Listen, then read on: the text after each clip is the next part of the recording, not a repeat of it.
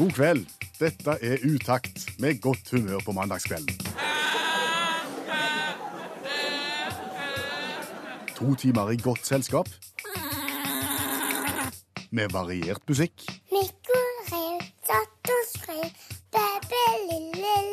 Per Øystein Kvindesland. Og Bjørn Olav Skjæveland. Jeg erklærer herved Radioprogrammet Utakt. for åpnet. Hva skal vi begynne med i kveld?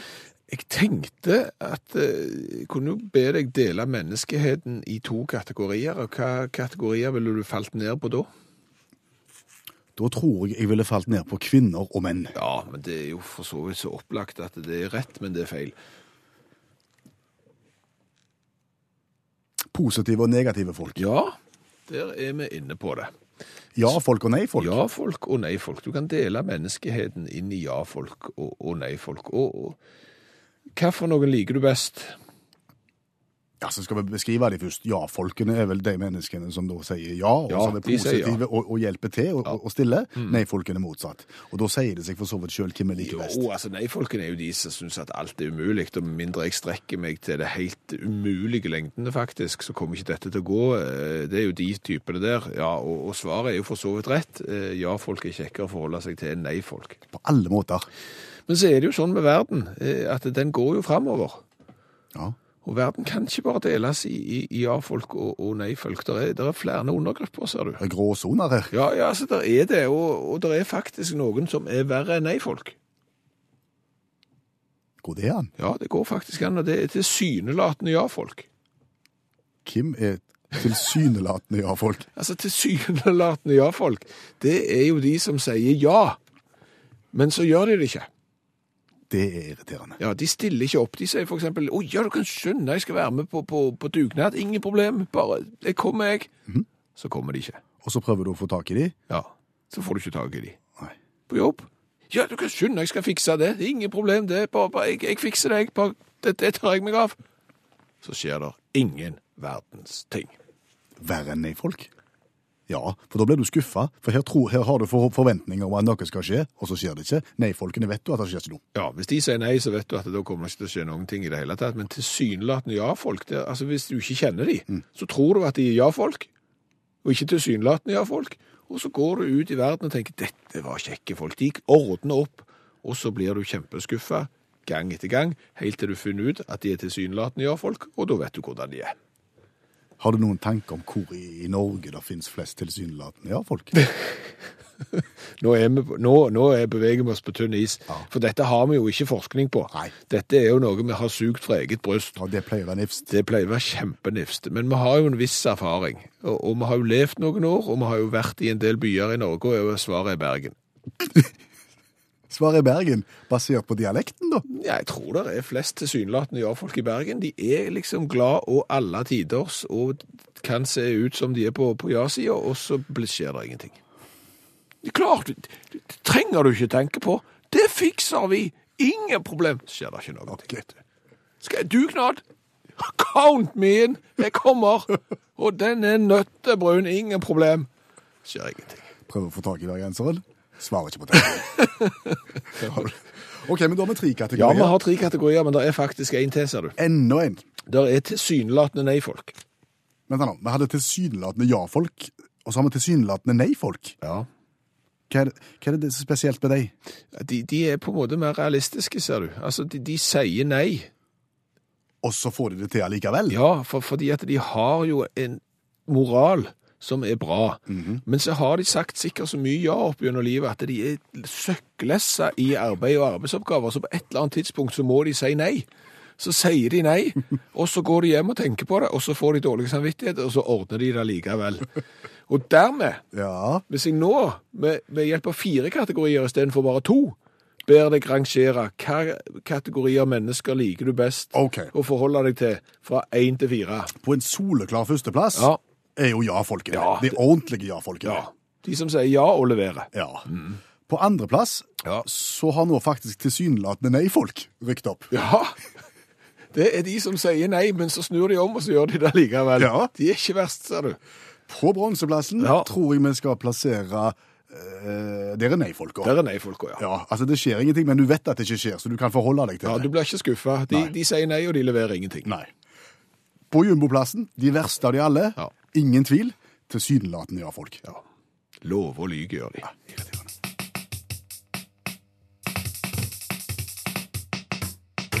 Neste eh, innslag, kan vi si, neste tema i programmet Utakt i kveld har vi formet som et spørsmål. Kan jeg lese det spørsmålet? Gjør det. Hva gjør en landslagstrener i fotball resten av året? Hva gjør en landslagstrener i fotball resten av året? Ja. Det eh, skal vi forsøke å svare på nå i løpet av de neste tre-fire minuttene. Vi er litt usikre sjøl. Ja, eh, for det vi tenkte på, nå har det vært veldig mye styr om den norske landslagstreneren i fotball i en lang periode, og det endte med at han ikke skal være landslagstrener i fotball lenger.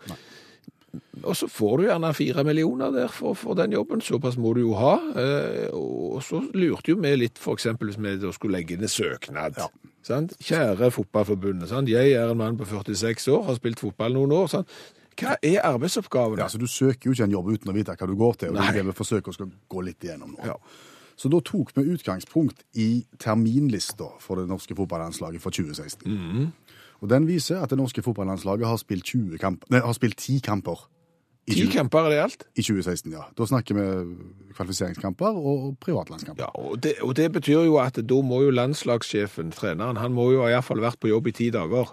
Ja, Han er til stede på kampdag. ja, det ville vært utrolig dumt hvis han ikke var på alle de. Bare tosje. Så der er det ti dager på jobb. Ja. Også, men, men så skal det jo trenes, og så skal det samles og møtes i forbindelse med alle disse kampene her. Jo, men det er jo spillere som trener i sine egne klubber, så de trener jo ikke med landslaget liksom hver dag. Nei, nei, nei, nei, de gjør ikke det, men de møtes i forbindelse med kamp. Ja, Så jeg har tenkt at de, de har fire dager per kamp, jeg. til samling. Ja. Da har du litt før, og så kan du kanskje én etter. Ja, da tok du godt i, tenker jeg, men det er greit. Fire dager per kamp, og så var det ti kamper. Da er du 40 der, pluss de ti, da er du 50 dager på jobb. Da har du 50, da har du det som er knytta til selve kampene. Ja, Da har du 315 dager igjen å fylle. Ja da. Det var det, men det er mye annet som skal gjøres òg, ser du. Fordi at du, skal jo finne ut hvem som skal spille på dette landslaget. Og da må du jo reise Det ser ikke ut som det er så viktig. jo, jo du, du må det. Du må plukke. Du må reise rundt og se de aktuelle spillerne, tenker jeg. Ja.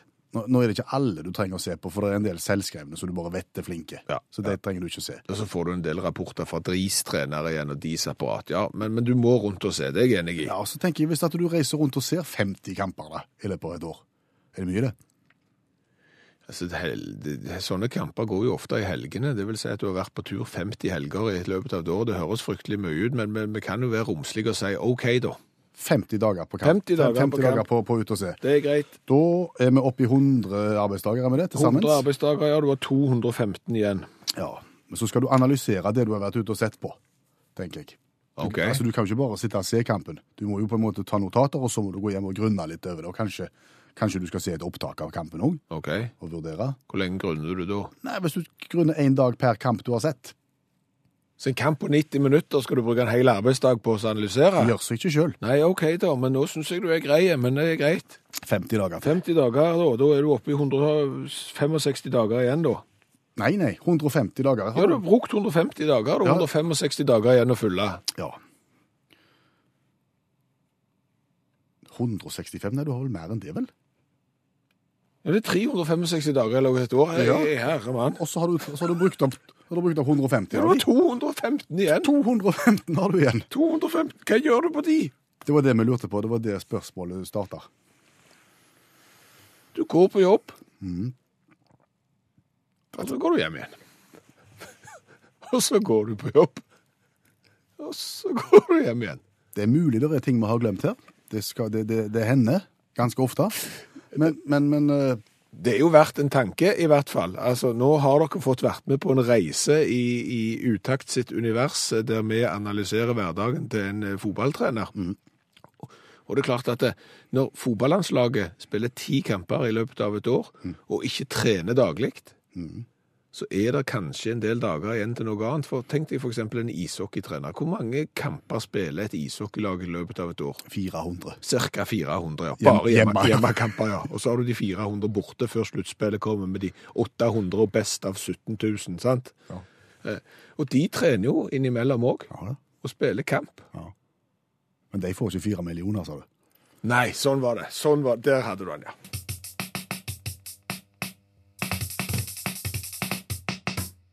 Alt rundt er det samme, synger Stein Torleif Bjella. Og alt rundt programmet Utakt er vel egentlig det samme, Skjæveland, er det ikke? Ja, spesielt når allmennlærer med to vekttall eh, i musikk og nå òg ansvaret for eh, kanonball på 9. og 10. trinn kommer inn i studio mandag etter mandag etter mandag. Velkommen til oss, Olav Hove. Tusen takk.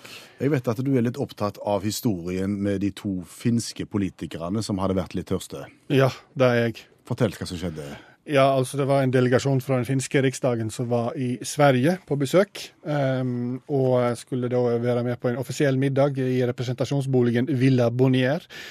Der to damer, da, eh, finske politikere, ble nekta adgang fordi de oppførte seg bråkete.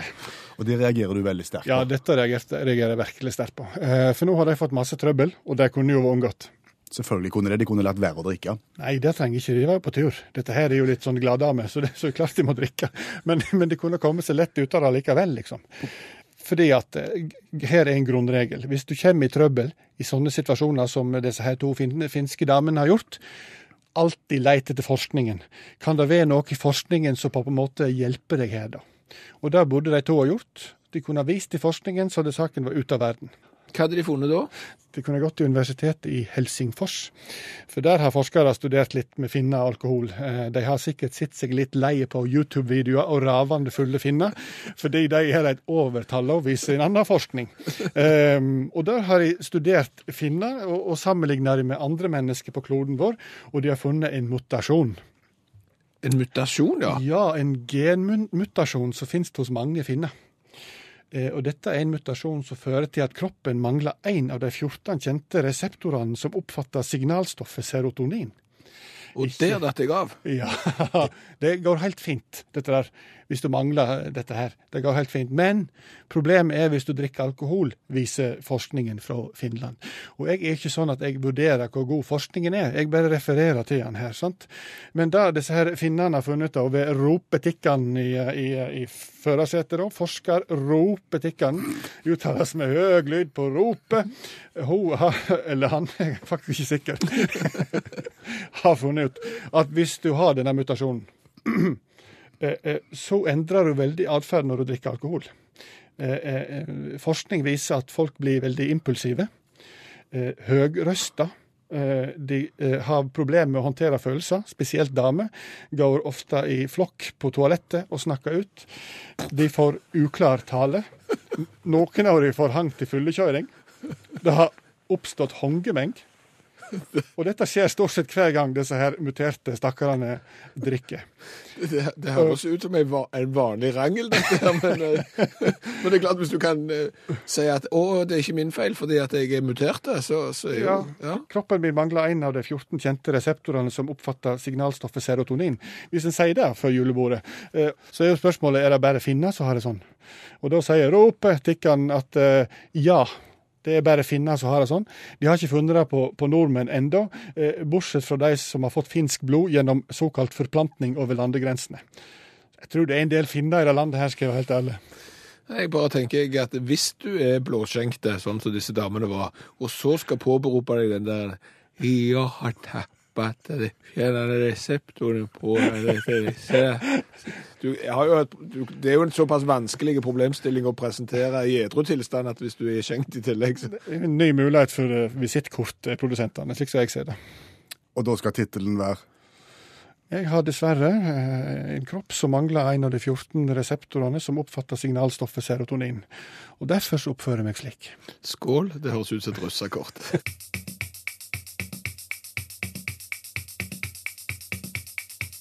Og en helt normal mandagskveld i utakt er den kvelden hvor vi må gå litt tilbake på noe vi har gått litt høyt ut med. Ja, men det er jo ikke et utakt uten en god dementi.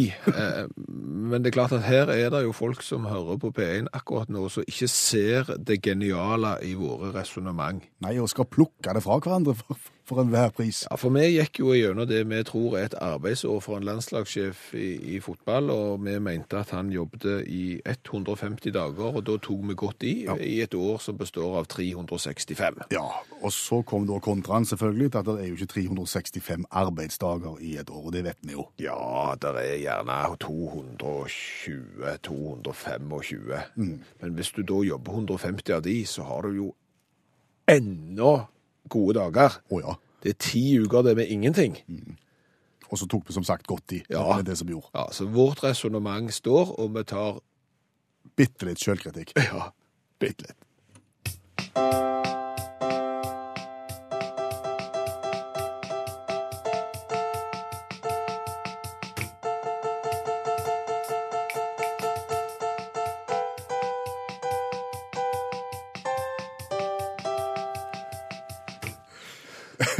Jeg blir i godt humør av den, jeg. Ja, du gjør det, så. Vi har, vi har jobba litt med overskriftene for de forskjellige innslagene i programmet i kveld. Og overskriften for det vi skal snakke om nå, det er lekse til transportfirma. Ja, for eh, vi driver jo ikke med transport. Nei, Vi sitter jo ofte i andre enden på mottakersida.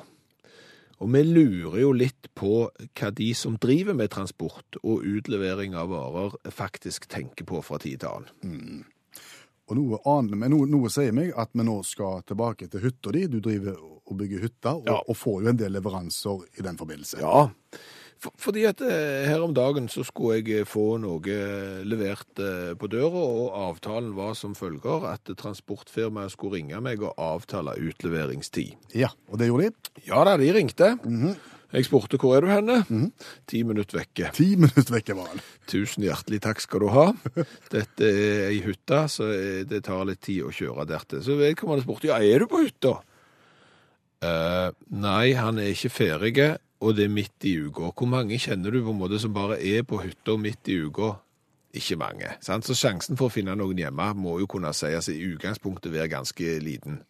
Det er litt som å sette penger på at det norske fotballandslaget skal karre seg til et mesterskap. sant? Eh, OK, eh, hva gjør vi nå? Spurte du mannen i transportfirmaet? Ja, jeg vet ikke, jeg svarte mannen. Kan, kan disse tingene som du skal sette fra deg, kan de stå ute? Spurte du. Ja. Eh, Nei. Det kunne de ikke. Nei, for det var ikke noe særlig med plastikk på dem. Nei. De, må, OK. de måtte inn. Ja. Mm. Jeg har nøkkel liggende ute, sa jeg. Kan du sette det inn? Nei. Det kunne han ikke. Nei. Hva er det egentlig du ringer for, da? spurte jeg. Fordi at ikke klarer jeg å møte opp, Nei. for du er ti minutter vekke. Ikke kan eh, du sette det fra deg på en vanntette måte, og ikke kan du bære det inn. Hva er alternativene da? Det er jo å sette det fra seg og kjøre og håpe på det beste. Dermed så ble det jo et svært mas men så finne noen som kjente noen, som visste om noen som var i området, som da kunne gå der og så bære det inn for meg. Og håpe det inne, for jeg har ikke vært og sjekket.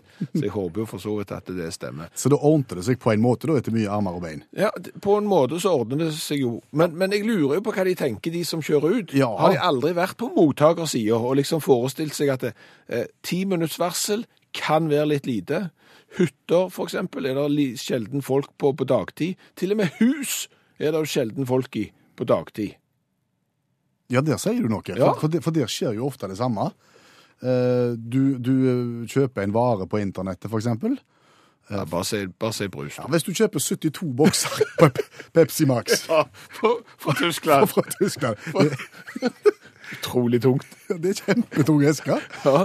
Og så står det i forsendelsen at denne vil bli levert på døra di. Ja. Alle tiders. Kjempefint. Så kommer du hjem en vakker dag, og så ligger det en lapp i postkassen. Og der står det 'Vi har forsøkt å levere pakke på døren. Ingen hjemme. Derfor så må du gå og hente den på postkontoret. Ja. Det er ganske flaut å gå på postkontoret og hente 72 bokser Pepsi Max. Og det er like tungt. For du må, du må bak og ha sånt Du må ha tralla, sa du.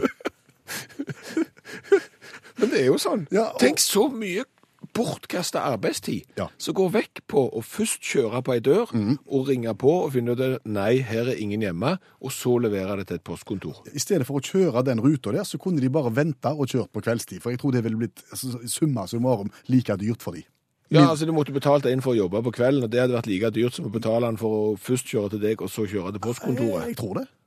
Ja, og, og, Eller så kunne du bare levert den rett på postkontoret. Ja, Og bare dropp hele greia. Ja, og da hadde jo transporten blitt billigere, Ja. og du hadde fått eh, kanskje et brett til brus for samme prisen. Ja, for det blir jo litt som sånn tilsynelatende ja-folk, dette her. Ja. Du blir glad for at 'oi, det kommer jo på døra'. Nei, men det gjorde ikke det. Er det lov å spørre, hvor mange ganger har de vært på døra for å prøve å levere brus hos deg, og så har du endt på postkontoret? Det begynner å bli noen. Og det er like tungt? ja.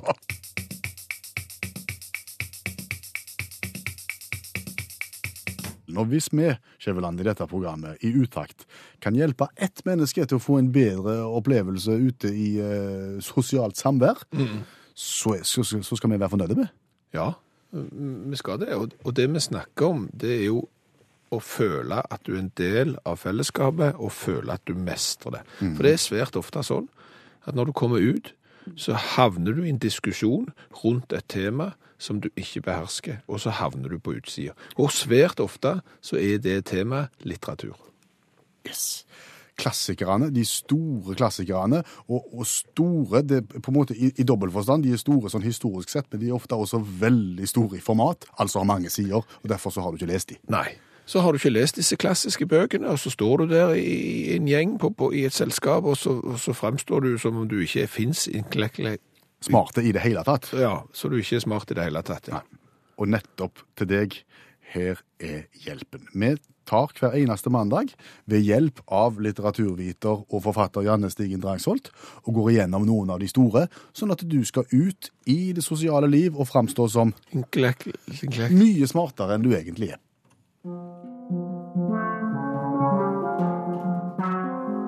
Charles Dickens, Store forventninger fra 1861. Hei, jeg heter Pip og er fattig. Mange ting skjer. Hei, jeg heter Pip og er fremdeles fattig. Og da har vi vært igjennom hvor mange sider? Ja, det, ja 400-500. Ja. Ja. Så det handler om Pip Pirip, som er fattig og foreldreløs.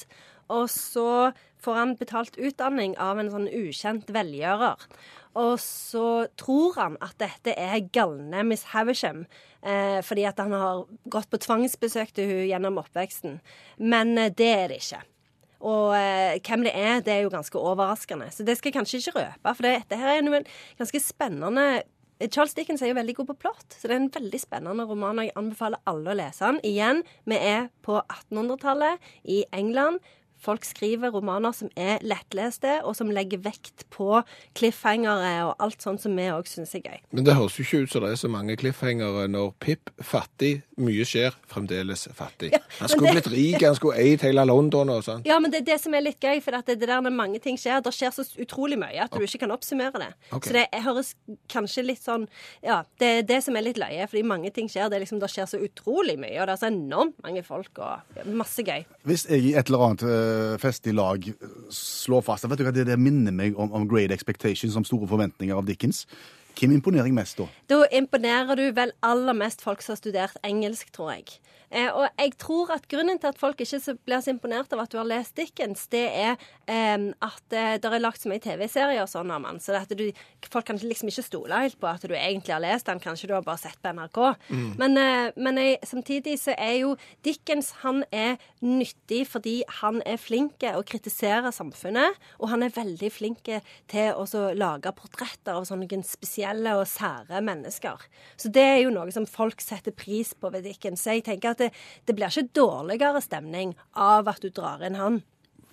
Men da er trikset for å framstå som om du har lest Dickens, og ikke bare sett Dickens på, på TV og film, så må, så må du nesten gå inn og analysere, liksom si ja, du vet at Dickens, han, han det, var, det var så mye i den boka at det er nesten for, for, for mye å gå inn på, på nå. Mm. er det mer den stilen der vi Ja, må ta da? Ja, det er akkurat den stilen vi må ta nå. Eh, men jeg vil jo anbefale Sånn som mannen min, for eksempel. Han var i retten en gang, og da var det sånn at motparten han sa liksom at det, ja, advokat Drangsholt minner meg her om den og den karakteren i Dickens. Jeg vet ikke om Drangsholt har lest Dickens, har du det? Og da kunne han si ja, det har jeg. For tenk. Ja. og det var veldig nyttig. Jeg vet, ikke om jeg, ville, jeg vet ikke om jeg etter å ha hørt utakt ville sagt i retten at å ja, jeg har lest Dickens. Jeg vil nok i hvert fall si Akkurat der tror jeg jeg ville holdt meg til nei. Men ellers så, så har jeg lest Dickens. Det det, som er den mest interessante karakteren, da, hvis vi skal si det, i Great Expectations, det er Miss Havisham. Fordi at hun ble forlatt ved alteret for sånn 20 år siden, og da stoppet tida for hun. Så hun sitter i et rom i en brudekjole som hun har hatt på seg i 20 år, med ei brudekake som har stått i 20 år, og alt er helt likt sånn som det var for hun. Tida stoppa for hun. Da var livet over, når hun ble forlatt ved alteret. Så hun, og hun, hun er jo en samfunnskritikk em, mot det. For det, på den tida så var det jo mer kvinner enn menn. Og kvinner hadde jo ikke noen mulighet til jobb, å få jobb, så at de hadde jo ikke noe liv hvis de ikke ble gift. Og det, her er jo Dickens ganske sånn samfunnskritiske på vegne av kvinnene. Så du kan skåre en del poeng eh, hos kvinner hvis du begynner å snakke om Miss er det et sitat å Ja. hente fra, fra Dickens? Ja. Ethvert menneske er interessert i bærbare verdier. Laptops. ja, det var det jeg òg tenkte på. iPads tenkte jeg på. Ja, det er frampek. Ja, det er det. veldig. Men da tror jeg vi må oppsummere Great Expectations med at det er den boka der det skjer så utrolig mye at det er nesten for mye å gå inn i. Men hvis du er interessert i gamle bryllupskaker, så er dette boka for deg. Nå, nå, nå tenker jeg at du har lest Dickens med en gang. Tusen takk, Janne Stigen Drangsholt. Forfatter, litteraturviter, hjelpetrener i friidrett og medlem av FAU.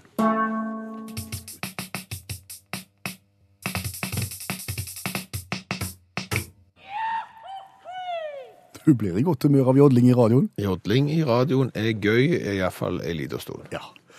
Vi har bedt folket melde seg på konkurranse, og vi har bedt folket svare på inngangsspørsmålet vårt. Hva heter du, og hvor bor du? Og etter det vi har grunn til å tro, så har samtlige svart rett i kveld. Ja, og Toril Granhaug har svart at hun bor på Rødberg, og det er rett. Hei, Toril. Hei, hei. Alt vel på Rødberg? Ja, det veit jeg ikke riktig, for jeg er på hytta. Å, Hvor er, ut fra at det er bra der òg. hvor, hvor- hvor er hytta henne? Den er i Kongsberg. OK. har du fyr i peisen? Nei, jeg har bare elektrisk peis, og den har slått i kveld. Ok. Men da er du iallfall klar til å konkurrere. Eh, og så er jo spørsmålet kan du reglene? Ja, jeg mener jeg kan det. OK. La oss kjapt gå gjennom de, for det er sikkert en og annen som ikke har hørt det før òg. Ja, da er det sånn at jeg har en bunke med spørrebøker. I dag så er det tallet blitt tolv. De, to, de spørrebøkene ligger bare utover pulten her. Så velger Toril en av de. Så blar vi opp og finner et vilkårlig spørsmål. Svarer Toril rett, så skal hun få glad jodling. Svarer hun feil, så skal hun få trist jodling. Men uansett, Toril, så vanker det T-skjorta med vedhals. Oi, Ja. Så det er bra, vet du. men men- men vi turer bare i gang. Ja, vi gjør det, for, og, og i dag har vi som sagt fått en ny spørrebok fra 1962, og den er veldig potensielt bra. På For eksempel side 38, spørsmål 15. Eh, hvem har verdensrekorden i lagskyting på armé- armégevær? 1962. ja, det er 1962. lett, vet du. Ja, det var Aksel Martinsen, Magne Landrum, Olav Medås og, og Stanley Kvammen. Så, så har det. Så Stanley var òg med da, ja. Stanley Tror han var var best på kniv, jeg. Ja. Men det er nå så. Ja, nå går vi i gang. Velg ei eh, spørrebok, du. Nå skal vi dunke i bordet. Så sier du bare stopp. Stopp. Stopp. Kåre Kapps nye spørrebok fra 1987. Ja, 62 sider, 62 sider. 53. Da blar vi opp på side 53, og vi finner kategorien Svar kapp 14. Så da går vi på sida foran, for der er spørsmålene. Ja. Og der er det 30 spørsmål å velge i. Da tar vi 27. Jeg ble satt ut når du skulle si adressen din, for det var sånn 36-31. Det var sånn Når folk eh, leser på gamlemåten og jeg skal skrive ned, så blir jeg helt satt ut. Men her nå er vi på 26. Hva er en palassrevolusjon? det må være en eh, revolusjon på palasset. Det sier seg jo sjøl. Ja, det er altså Det er jo ikke det. Det, det er jo ikke det. Det er jo ikke det, men det gjør ingenting. Det er en omveltning Da sendte du feil melodi. Jo, men, men det, var, det var så godt forslag. Det er en omveltning av det politiske sjikt, styre uten medvirkning av befolkningen. Å ja, var det noe rart? Ja, Såpass, såpass lett var det. Ja. Ja, ja, ja. Men det gjør ikke noe, det. Vi gir deg poeng uansett for, Ja. for pågangsmotet. Bra. Vi har to spørrebøker igjen. Eh, Nei, to, sier jeg. Vi har elleve spørrebøker igjen, og jeg kan fortelle deg det at den nye fra 62 det er nummer én, så du kan velge den eller en annen. Ja, ja, da tar vi nummer én. Ja, la oss prøve Ja, så den. kjekt. Vi har store forventninger til den nye spørreboka. Ja. Der er det over Der er 82 sider. Å, fytti grisen. Skal vi ta 36 der, da? Det er 36, det skjønner jeg. 36, ja. Det er da kategorien eh, mytologi. Oi. Oi. Mm. Og det er 25 spørsmål i mytologi. Ja, men da får jeg ikke til 31 da. vil jeg ta 19, da? 19, ja. Det norrøne ord for Gud. Nei, jeg leste svaret. Nei, det blir bare dumt. Skal jeg si spørsmålet, da, liksom? Ja, greit. Skal la oss prøve Ja, det. vi prøver det. Ja. Eh, Det norrøne ordet for Gud er svaret. Hva er spørsmålet, Toril? Eh, Hva er Yggdrasil? Hva er Yggdrasil? Hva skal vi gi for den? Nei, der kommer Nei, den. det ble feil, gitt. Hvem var æsene? Å ja. Det var det. Det var det. norrøne navnet på Gud. Ja, OK, da har jeg lært det. det mm. Still spørsmål og ikke kom med svar, har jeg lært i dag. Ti spørrebøker igjen, så går vi løs på det siste spørsmålet. Seks. Nummer seks. Feriequiz. 1000 spørsmål og svar for hele familien. 208 sider. Oi. 203. Nesten på slutten. Det er fotball. Ja, det passa jo bra, da, vet du. Var det ironi, eller var det Det var ironi, ja. Det var ironi, ja. OK. Jeg veit at den som regel er sånn nesten rund. Okay. Den er vel rund. Ja. Det er håndballen det som er litt oval. Ballen er rund og cup er cup. Det kommer langt med det. Og ti spørsmål å velge i. Åtte. Morten Gams Pedersen gikk til Blackburn Rovers i 2004. I hvilken norsk klubb spilte han før han ble solgt til den britiske klubben? Odd. Hva sa du? Du foreslo Odd? Ja, Ja Skal vi, skal, skal jeg vi veit at det er fotballklubb. Ja. Men, men hvis vi tenker en fotballklubb ganske langt nord, har du et forslag da? Nordlys. Eh, Det er en avis. det er en avis. TIL. Ja. Idrettslag. Oi, det er riktig! Ja, Det er riktig. Jeg kan ikke skjønne hvorfor de ikke la OL til Tromsø, altså. Her var det mye godt humør, Toril, og, og, og flott innsats. Det skal du ha. Jo, takk for det. Så nå, Får du kose deg på hytta på, på Kongsberg, og så f- kommer det sannsynligvis til å ligge ei T-skjorte og vente på deg i, på Rødberg når du kommer hjem. Det høres bra ut. ha en god kveld.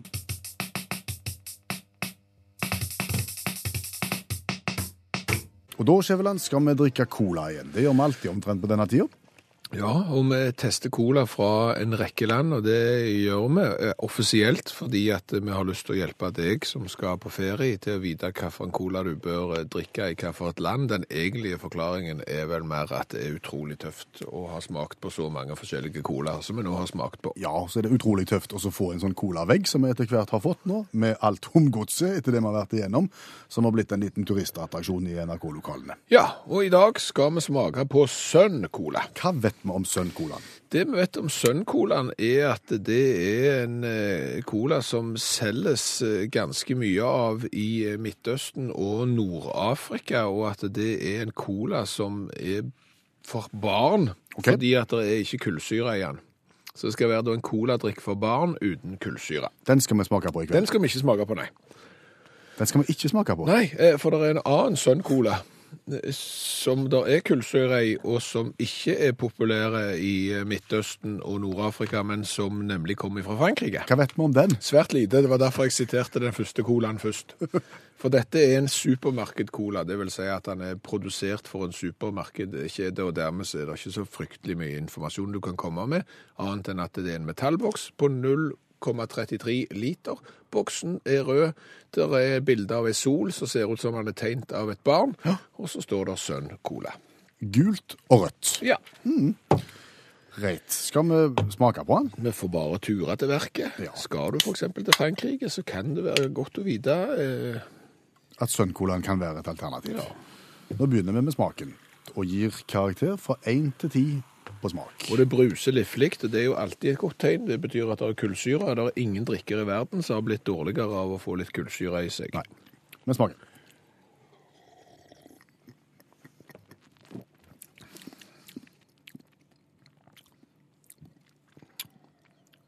Det var ikke verst, det. Soda, allergi og sucre, ekstrakt av et eller annet. Nei, men heller ikke blåst av banen på noen som helst måte. Helt på det jevne. Smakte ikke tyggegummi. Nei. Det er det svært mye som gjør. Det var smak igjen. Det er Ja. ikke alle som har. Nei, Smaken forsvant ikke etter veldig kort tid. Det pleier en ofte å gjøre. Ja, nei, det her er ingen usmak på Sun Cola fra Frankrike. Nei, vi gir en eh, sekser, kanskje. Det kan jeg være enig i.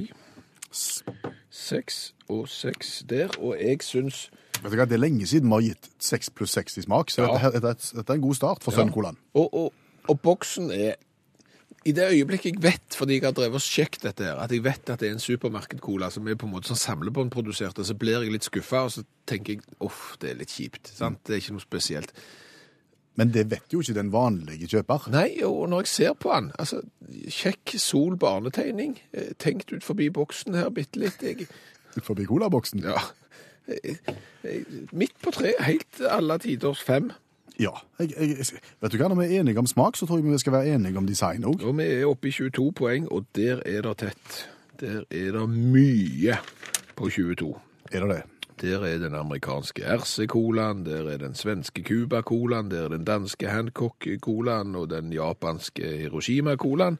Det er mange som ligger der. Men dette var ikke verst. Skal du til Frankrike, så er det ingen ulempe å ha prøvd Sun Cola.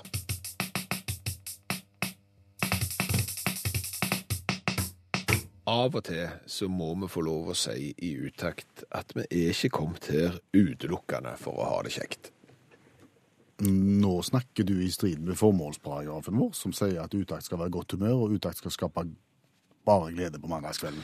Jo, men du kan si det som er poenget nå, er at det litt vanskelige temaet vi skal ta opp nå, mm. er jo for at folk flest skal få en bedre dag og få oppleve godt humør oftere enn de kanskje får lov til hvis ikke vi tar opp dette temaet. Da er det innafor. Da er det greit. Ja, Gi gass. og det, og det vi skal ta opp nå, hvorfor er det sånn at mange har et sterkt behov for å si fra om noe de ikke liker? Vil du si at folk har et sterkere behov for å si fra om noe de ikke liker, enn folk har et sterkt behov for å si fra om noe de liker? Ja, nesten vil jeg si det. Snodig. Det er merksnodig. Og én ting er jo at det er merksnodig. Et annet poeng er jo hva er resultatet av at folk har denne holdninga. For, for hva hjelper det å si fra om hvis du ikke liker noe? Hva godt gjør det? Du kan jo kanskje prøve å påvirke de som skaper det du ikke liker, til å slutte med det. Hva da for? Men hvis det i utgangspunktet ikke er bra, og det er flere som mener ting bør justeres, hvis flere da sier fra om at dette liker jeg ikke, så kan det jo føre til en endring. Nå ble det stilt. Ja, det ble stilt, for, for det ja, kanskje nesten. Og, og jeg snakker ikke nødvendigvis om politikk, og jeg snakker ikke nødvendigvis om landslagstrenere her. Men jeg snakker om denne iboende holdningen til å fortelle om ting du ikke syns er gøy, om ting du ikke likte, om ting du har sett på TV som, som du syns var kjedelig, og som ikke var det programmet du hadde lyst til å se. En som har fortalt en historie som du ikke likte, en forestilling du har, eh, ikke skal gå på fordi du liker ikke han som har han, så videre. Hva er motivasjonen for å si fra om det? Det lurer jeg på. Fordi at det fører jo ingenting godt med seg. For eksempel nå, hvis du ikke liker utakt på radioen, da skrur du av. Det er det enkleste. Det er ofte det enkle, Ja. og så er du ferdig med det. Da har du hørt på et program, så vet du hva det her programmet syns ikke jeg noe særlig om. Da skrur jeg av, eventuelt bytter til en kanal som sender et program som du syns om. For vi finnes jo f.eks. i et mediemangfold nå som er sterkt. sant? Eh, og, og det samme hvis, hvis en kommer med en kjole. Nei, vet du hva, du sier jo ikke til noen den kjolen syns jeg var fin, rett i trynet på dem, f.eks. Du gjør jo ikke det. Nei. Det vil være særdeles uhøflig. Og istedenfor så kom heller med gode ord. Veldig kjekt, sant? Det er mye kjekkere, og det er mer oppbyggelig, og det er derfor vi tar opp dette temaet. Ikke bruk tida på å si ting du ikke syns noe om, bruk heller tida til å si noe du syns noe om. Så vil verden bli et mye bedre sted. Jeg, for eksempel, jeg skrur av de TV-programmene jeg ikke liker, og så skrur jeg på de som jeg liker.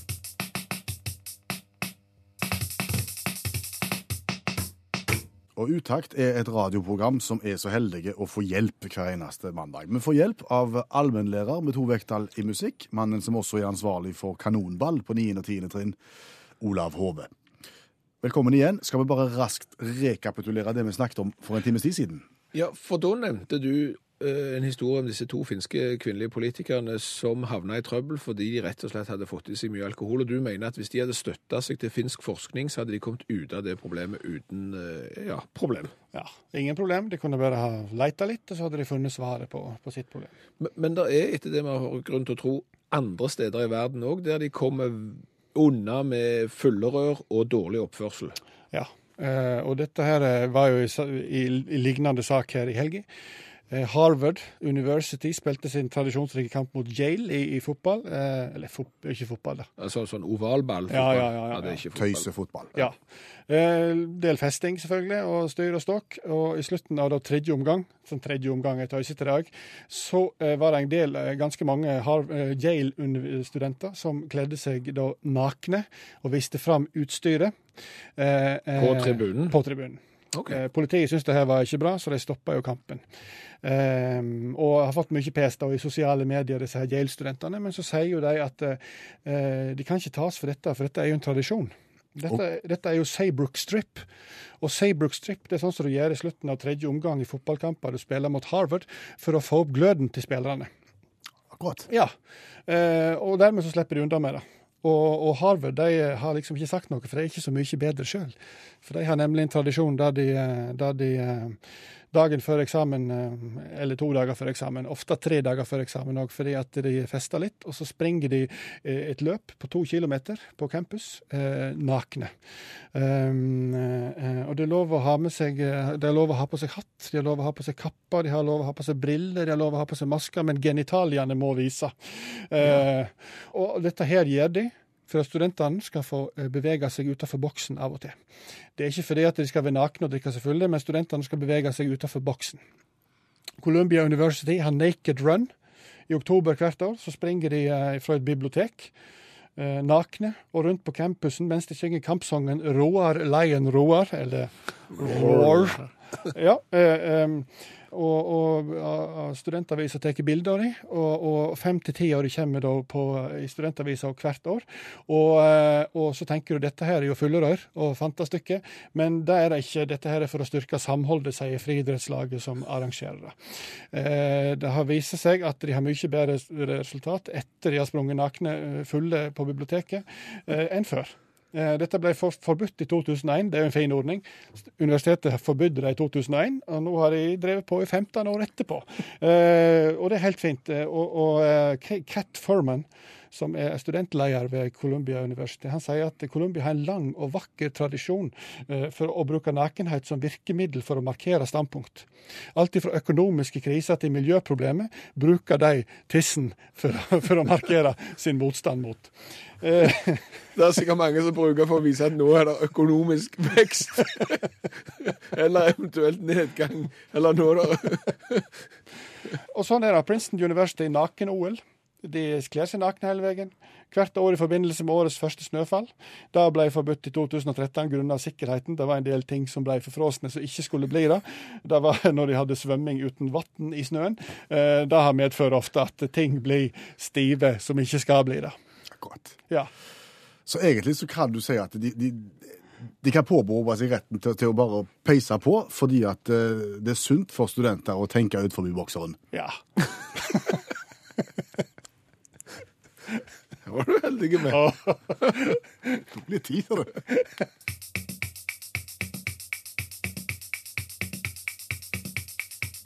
Kan jeg få lov å synge en vignett? Vær så god. 20 spørsmål for Studio K7, uten band og publikum, og bare kun meg og deg her inne. Den blir ikke bedre med åra, den vignetten. Nei, jeg prøver å utvikle den, men den blir ikke god. Nei. Nei. Men konseptet er som følger. 20 spørsmål er jo i ferd med å forsvinne fra radioen, eh, og vi tenkte vi skulle videreføre det på utaktvis. Det vil si at det er kun meg og deg i studio. Vi har ikke noe publikum, ikke noe orkester. Vi har ingen som sender inn noen ord du skal gjette. Du skal gjette hva som er til salgs på rubrikkannonser på internett ved hjelp av 20 spørsmål. Ja, du, du går nå inn på internettet og finner den siste uh, artikkelen som er for salg, og jeg skal forsøke å finne ut. Men altså for at dette skal være gøy for flere enn meg, så må jo du si til folket hva vi skal finne fram til. Ja, og stapp, tar du og så stapper begge fingrene i ørene, så synger du litt.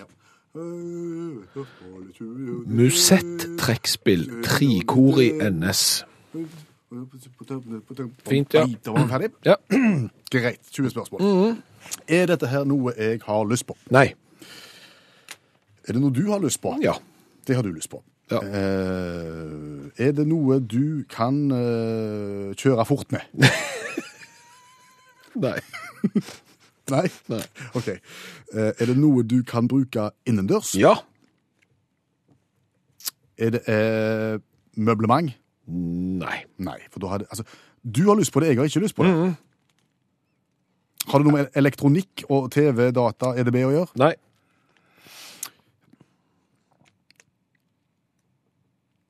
Er det dyrt? Ja.